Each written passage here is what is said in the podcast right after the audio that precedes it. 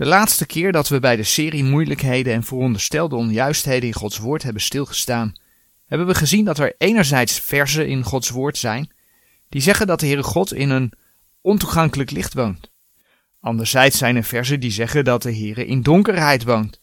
Dat lijkt tegenstrijdig, maar we hebben gezien dat als je in Gods woorden gaat zoeken, dat er wel degelijk een verklaring voor is, waardoor beide situaties juist blijken te zijn. Ja, de Heere God woont in een ontoegankelijk licht, maar er zijn situaties waar hij zich met donkerheid, wolken bijvoorbeeld, bedekt, zodat mensen niet sterven als hij verschijnt. Vandaag kijken we naar nog zo'n schijnbare tegenstrijdigheid. De Heere God maakt in zijn woorden duidelijk dat hij Israël als volk apart heeft gezet. De Heere God heeft Israël uitgekozen om de mensheid zijn woorden te geven. Romeinen 3 vers 2. Om de mensheid zijn zoon te geven. Johannes 4 vers 22, Handelingen 4 vers 12. In Deuteronomium 14 vers 2 lezen we bijvoorbeeld over het volk Israël. Deuteronomium 14 vers 2. Want gij zijt een heilig volk, de Heere uw God. En u heeft de Heere verkoren om hem tot een volk des eigendoms te zijn, uit al de volken die op de aardbodem zijn. En zo zijn er meer plaatsen waar we dat kunnen lezen, bijvoorbeeld in Exodus 19 vers 5, Deuteronomium 7 vers 6, Malachi 3 vers 17. Er is geen ander volk op deze aarde dat door de Heere uitgekozen is, en vervolgens, overigens door eigen keuzes, dat ook door de Heere terzijde is gezet, zodat ook alle andere mensen tot behoud kunnen komen. Maar dat levert hen wel dat zij als enig volk de belofte hebben dat er een moment komt dat Israël als volk geheel tot bekering gaat komen. Dat kunnen we lezen in Romeinen 11, vers 11, vers 12, vers 26. Want dat volk Israël staat in Exodus 4, vers 22 het volgende geschreven. Laten we dat vers lezen. Exodus 4, vers 22. Dan zult gij tot Farao zeggen, alzo zegt de Heere, mijn zoon, mijn eerstgeborene is Israël. In het Oude Testament komt geen wedergeboorte voor. Dat kan pas sinds Pinksteren. Maar toch wordt Israël als volk weliswaar Gods eerstgeboren zoon genoemd. Maar dan lezen we het volgende in Jeremia 31, vers 9. Jeremia 31, vers 9. Zij zullen komen met geween en met smekingen zal ik hen voeren. Ik zal hen leiden aan de waterbeek in een rechte weg, waarin zij zich niet zullen stoten. Want ik ben Israël tot een vader en Ephraim, die is mijn eerstgeborene. In dit vers wordt dus Ephraim Gods eerstgeborene genoemd. Maar Ephraim was een van de zonen van Jozef. Ephraim was een van de stammen die een gebied kreeg in het beloofde land. Dus klopt dat wel? Is dit geen tegenstrijdigheid in Gods woord? Nee, dit is geen tegenstrijdigheid in Gods woord. Het woordje eerstgeborene wordt in Gods woord op twee manieren gebruikt. In de eerste plaats is het eerste kind dat bij een echtpaar geboren wordt. De eerstgeborene. Zo wordt de Heer Jezus, Maria's eerstgeboren zoon genoemd. Dat lees je bijvoorbeeld in uh, Matthäus 1, vers 24 en 25. Maar zo zien we door de geschiedenis van het Oude Testament heen dat de eerstgeborene de zegen van de eerstgeboorte kreeg, wat ook wel de eerstgeboorte genoemd wordt. Dat vind je bijvoorbeeld in Deuteronomium 21, vers 15 tot en met 17. En deze eerstgeboorte ging regelmatig niet naar de eerstgeborene. Denk aan het feit dat bijvoorbeeld Jacob boven Esau gezegend werd.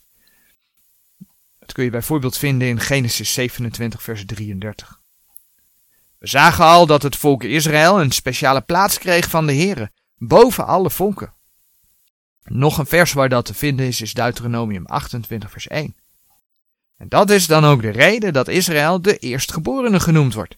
In Exodus 4, vers 22. Maar hoe zit dat dan met Ephraim? Ephraim was niet de eerstgeboren zoon van Jozef, dat was Manasse. Toch kreeg Ephraim, net als Jacob, de eerstgeboorte. We lezen in Genesis 48, vers 13 en 14, over de geschiedenis dat Jacob de zonen van Jozef zegent. En laten we vers 13 en 14 van Genesis 48 erbij pakken. In die versen lezen we: En Jozef nam die beide Ephraim met zijn rechterhand tegenover Israëls linkerhand, en Manasse met zijn linkerhand tegenover Israëls rechterhand. En hij deed hen naderen tot hem. Maar Israël strekte zijn rechterhand uit en legde ze op het hoofd van Ephraim, hoewel hij de minste was, en zijn linkerhand op het hoofd van Manasse. Hij bestuurde zijn handen verstandiglijk, want Manasse was de eerstgeborene. En dat hiermee de zegen van het eerstgeboorterecht inderdaad naar Ephraim ging, blijkt bijvoorbeeld uit de versen Genesis 48, vers 17 tot en met 19. Dus vanaf vers 17 lezen we verder. Toen Jozef zag dat zijn vader zijn rechterhand op het hoofd van Ephraim legde, zo was het kwaad in zijn ogen, en hij ondervatte zijn vaders hand om die van het hoofd van Ephraim op het hoofd van Manasse af te brengen. En Jozef zeide tot zijn vader, niet al zo mijn vader, want deze is de eerstgeborene. Leg uw rechterhand op zijn hoofd. Maar zijn vader weigerde het, zeide, ik weet het, mijn zoon, ik weet het. Hij zal ook tot een volk worden, en hij zal ook groot worden, maar nochtans zal zijn kleinste broeder groter worden dan hij, en zijn zaad zal een volle menigte van volken worden. Ephraim kreeg dus de eerstgeboorte zegen. Uit Jacob is het volk Israël voortgekomen. In principe zijn het de twaalf stammen van Israël naar de twaalf zonen van Jacob, ook wel Israël genoemd. In Genesis 32, vers 28 lees je daarover. Dat Jacob de naam Israël kreeg. Maar toen koning Salomo en daarmee het volk Israël verviel tot afgoderij, strafte de Heere God het volk Israël. Het koninkrijk zou in tweeën gescheurd worden. Er zou een tweestammenrijk Juda komen en een tienstammenrijk Israël. Dan bladeren we naar 1 Koningen 11. Want daar lezen we daarover. 1 Koningen 11 en dan lezen we als eerste vers 11. Daarom zeide de Heer tot Salomo, terwijl dit bij u geschied is, dat gij niet hebt gehouden mijn verbond en mijn inzettingen, die ik u geboden heb, ik zal gewisselijk dit koninkrijk van u scheuren en datzelfde uw knecht geven. En in vers 13 lezen Doch ik zal het gehele koninkrijk niet afscheuren. Eén stam zal ik uw zoon geven, om mijn knechts Davids wil en om Jeruzalems wil, dat ik verkoeren heb. Dat dit inderdaad een verdeling, tien stammen en twee stammen opleverde, blijkt uit 1 Koningen 11 vers 35 en 36, dus die versen lezen we ook nog.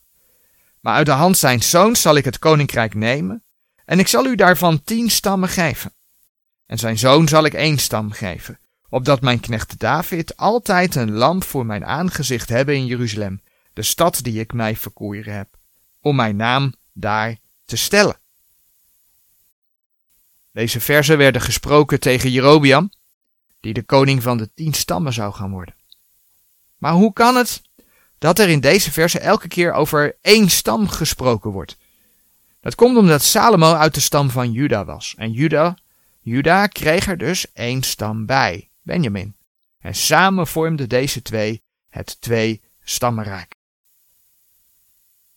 Dat kom je overal door koningen en kronieken tegen. Dat Juda twee stammenrijk is een voorbeeld is bijvoorbeeld 1 Koningen 12 vers 21.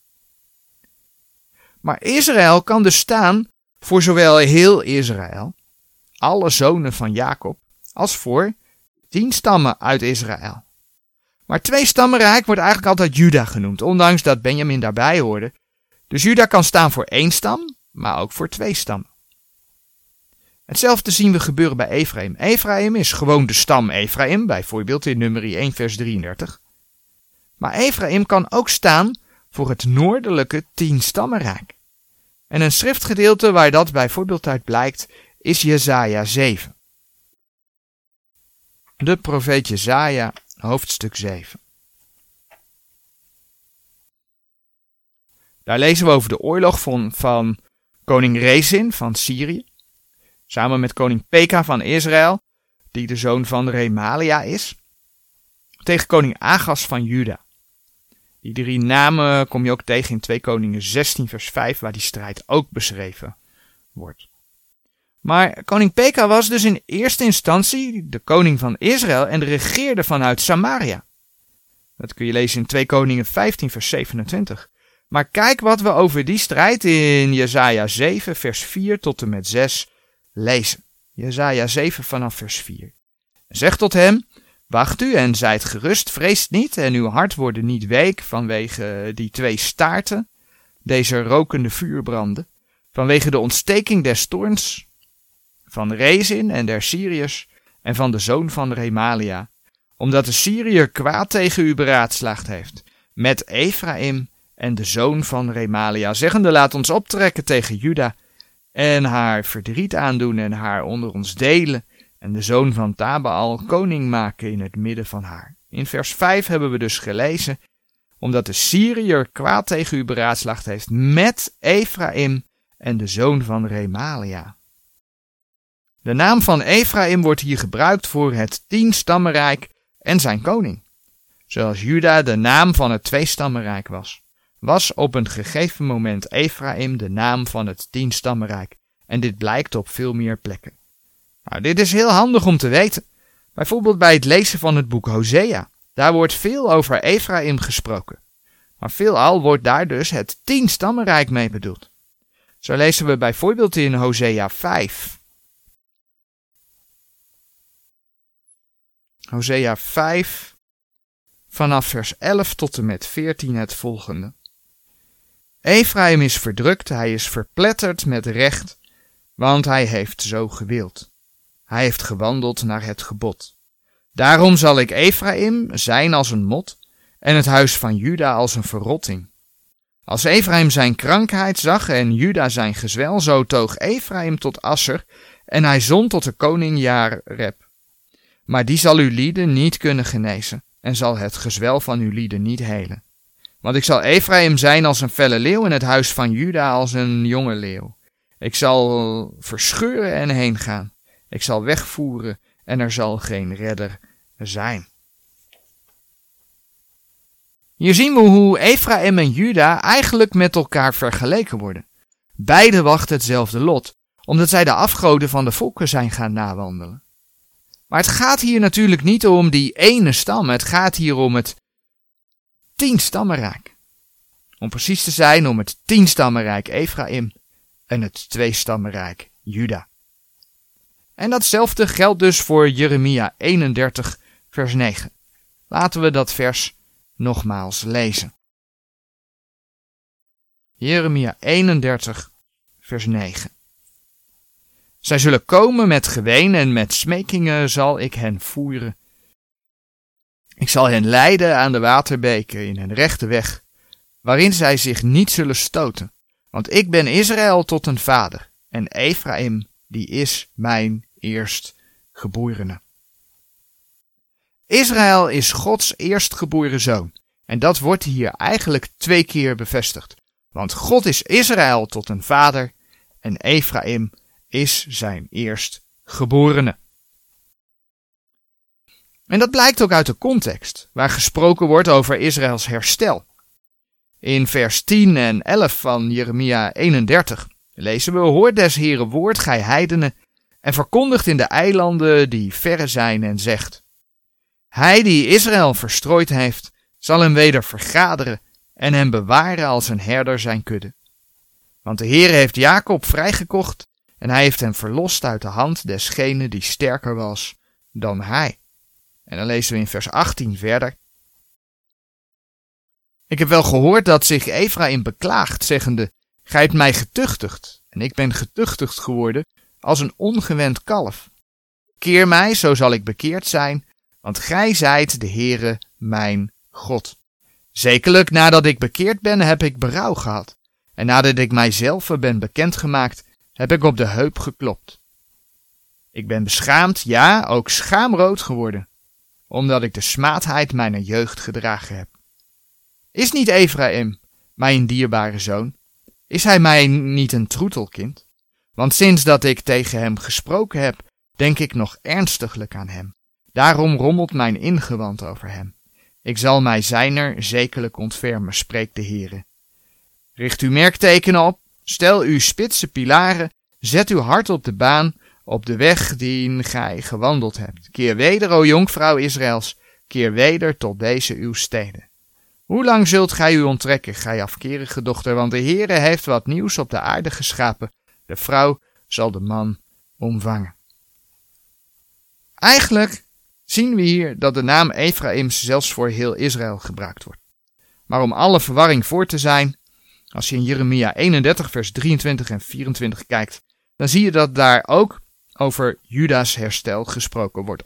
Oftewel, het komende herstel voor Israël is niet alleen een herstel voor Juda, niet alleen een herstel voor het noordelijke tienstammenrijk Israël, maar dat is een herstel voor zowel het tienstammenrijk als het tweestammenrijk. Een herstel voor heel Israël. Ik hoop dat door deze boodschap duidelijk is dat het zowel in uh, Exodus 4 vers 22 als Jeremia 31 vers 9 om Israël gaat. Alleen Israël krijgt dus af en toe de naam Ephraim. De versen spreken elkaar dus niet tegen. Amen.